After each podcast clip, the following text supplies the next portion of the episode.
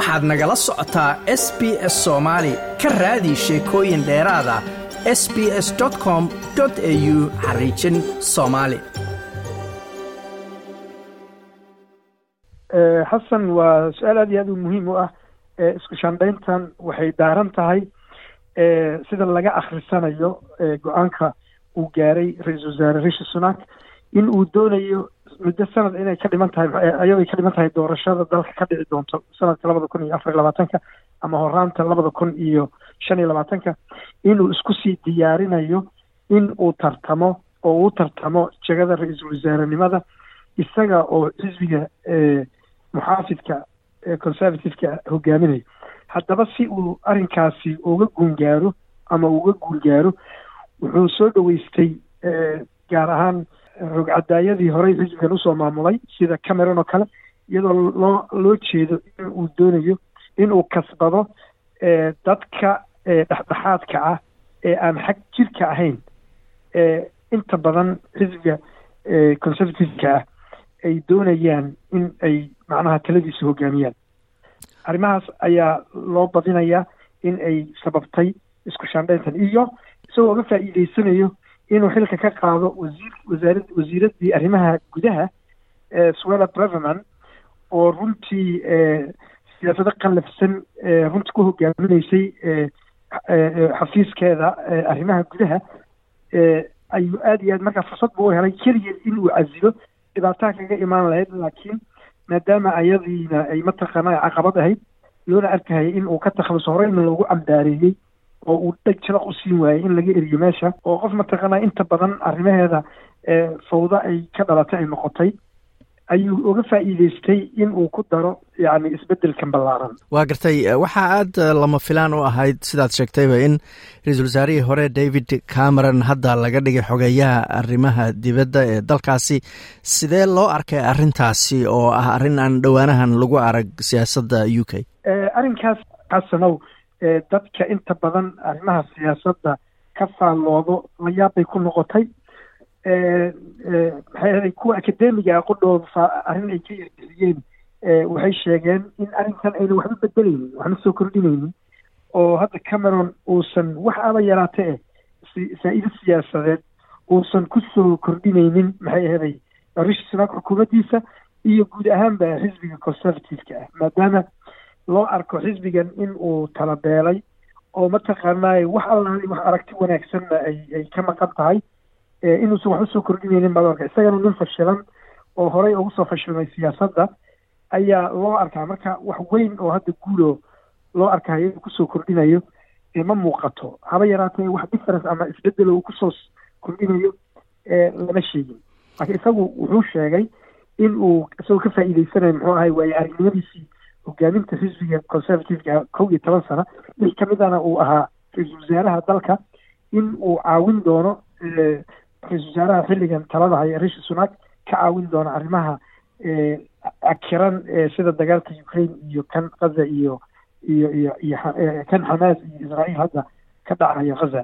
In uu uga faa'iideysan doono waayo aragnimadiisii waa gartay dabcan waxaa aada loogu xasuustaa david cameron inuu iclaamiyey aftidii brexit oo u k ay uga baxday midowda yurub dabcanna ay sidaas uu maaragtay wixii la filayey waxaan ahayn ka helay. Kadibna sidaas uu isu casilay. Marka ma waxaad leedahay sumcaddiisa siyaasadeed taasu dhaawici ay u geysatay? Weli way daba socotaa? Way daba socotaa. Oo weliba hadda xilka uu qabtay arrimaha dibadda ee yurub iyo isagu kolley wax u malayn maayo in uu wax wanaagsan uu kala kulmi doono. Sababtoo ah cadaawad buu kasbaday waagii wuxuu ka ballan qaaday wax kastoo aftida ay soo baxdo in uu kala shaqayn doono yurub. Haddii ay noqoto inay ka baxdo dalka ingiriiska uu ka baxo yurub in uu si habsami leh kaga kala shaqayn doono usi casili dooni.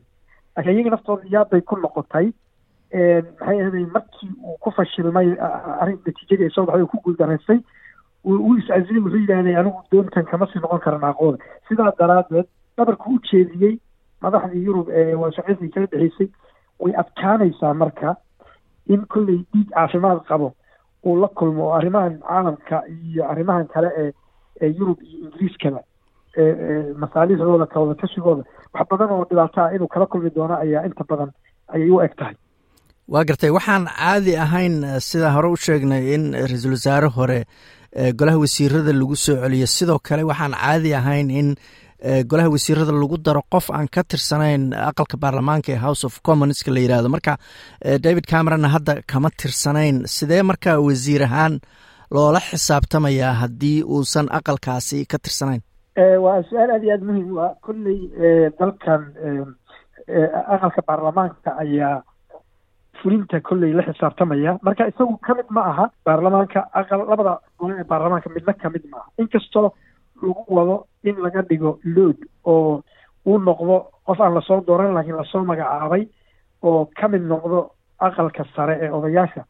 Arrinkaa meel bay saaran tahay laakiin weli kama mid noqon. Laakiin way waa laga shaqeynayaa sida hadda la xaqiijiyay hase yeeshee sharci ma aha sharci yani curfi bay noqotay laakiin sharci ma aha inuu qofka ahaado xildhibaan ama uu ahaado maxay aheeday si uu oga noqdo golaha wasiirada laakiin waa curfi iyo dhaqan iyo caado laakiin waxa u diidaya sharciyan in qof aanan ahayn xildhibaan loo dhiibay xilka golaha wasiirada.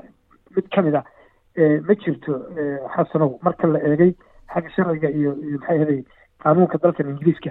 Hase yeeshee e arrinkaa waxaa lagu cilaajinaya ama lagu daaweynaya maadaama golaha baarlamaanka uu la xisaabtamo fulinta dee kolley fulintaas ayuu ka mid noqonayaa markaa su'aalo adagna mar walbaba iyo la xisaabtan adagna way way sugaysaa sida kuwa la soo doortay oo kale waa gartay isku shaandhayntan marka waxay ku soo iyadoo sanad kadib dalkaasi doorashadii guud ay ka dhacayso cod aruurimihii u dambeeyey bilihii u dambeeyey ama sannadkii u dambeeyey la sameynayana waxay muujinayaan in haddii doorasho maanta la qaban lahaa xisbiga conservativeka ee rishi sunak dhulka lagu jiidayo laga badinayo xildhibaano badan ay luminayaan. Marka isku shaandhayntaanu rajadii ay qabeen inay doorashada dambe ku guuleystaan wax ka bedeleysaa baad isleeda arrinkan isku shaandhayntan ujeedada ra'iisul wasaare rishi sunak uu u sameeyey baa waxay tahay in uu isku diyaarinayo isaga in uu mataqaanay doorasho. Uu hogaaminayo uu ku soo noqdo oo talada dalkan xisbigiisna uu ku guuleysto hase yeeshee sidaa uma fududo sababta arrimo waaweyn baa dunida ka dhacaya. Arrimaha waaweyn labada xisbi ee dalka ugu inta badan ugu awooda badan ee axsaabta xildhibaanada ugu tirada badan inta badan laga soo doorto waa xisbiga shaqaalaha iyo xisbiga muxaafidka ah.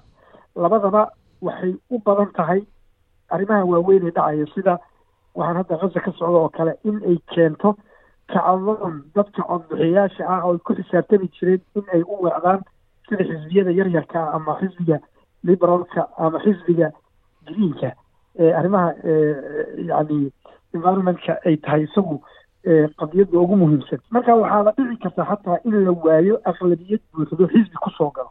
Waxay u egtaa ekaan doontaa xataa in ay dhacdo in ay noqoto la kala belin waayo ay noqoto dowlad wanaag in ay dhacdo oo dhowr xisbi ay ku tartamo xataa waxaa dhici kartaa in xisbiyo hor loo cusub oo aan la geranayn oo caro darteed u samaysmay inay ka hoos baxaan xisbiyadan wax kasta ayaa suuragala laakiin labada xisbiga arrinka hadda ka taagan gaza labadaba way macnaha ku waayn doonaan taageero aada u fara badan. Maaha keliya dadka muslimiinta xataa dadka macnaha bulshada ballaaran ee ingiriiska carada ay qaadeen waxaa dhici kartaa in ay xildhibaano badan labada xisbiba kulli ku waayaan oo ay suurageli weysaba in ay xisbi keliya uu dowlad soo dhiso.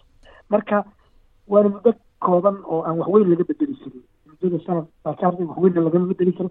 Arrimahaas ayaa jira oo soo cusboonaaday labada xisbina mawqifka ay qaateen waa isku mid dhanka arrinka asaga. David cameron intuu ra'iisul wasaaraha ka ahaa dalka u k arrimaha soomaaliya aada buu runtii ugu xirnaa shir ballaaran oo isagu uu shir guddoominayey buu london ugu qabtay madaxda soomaalida. Hadduu noqday xogeeyaha arrimaha dibadda u k soomaaliya arrimaheeda maxaad is leedahay? Waa uu ka bedeli karaa? Waxaad moodaa waxay u eg tahay in uu kolley ugu faradhudhuunaan doono ingiriiska in uu door weyn ka qaato arrimaha soomaaliya. Sidaan ogsoonahay arrimaha soomaaliya maxay ahaday lug weyn buu ku lahaa. Haddii ay noqoto shirkadaha ganacsiga ama ama maalgashiga reer soomaaliya xagga quwadda iyo tabarta in ay soo saaraan maxay ahaday gaaska iyo batroolka iyo arrimaha kheyraadka badda ku aasan hormuud buu ka ahaa wuxuu sheegay ra'iisul wasaare markuu ahaa yani ra'isul wasaarihii hore david cameron asagoo ra'isul wasaare ah in uu dad badan oo qurba joogta soomaaliyeed ee u k degan ay aada u fara badan yihiin. Sidaas daraaddeedna uu yiri dan weyn baa noogu jirtaa maxay ahayd inaan soomaaliya arrimaheeda ka muuqano uuna runtii ku dadaali jiray.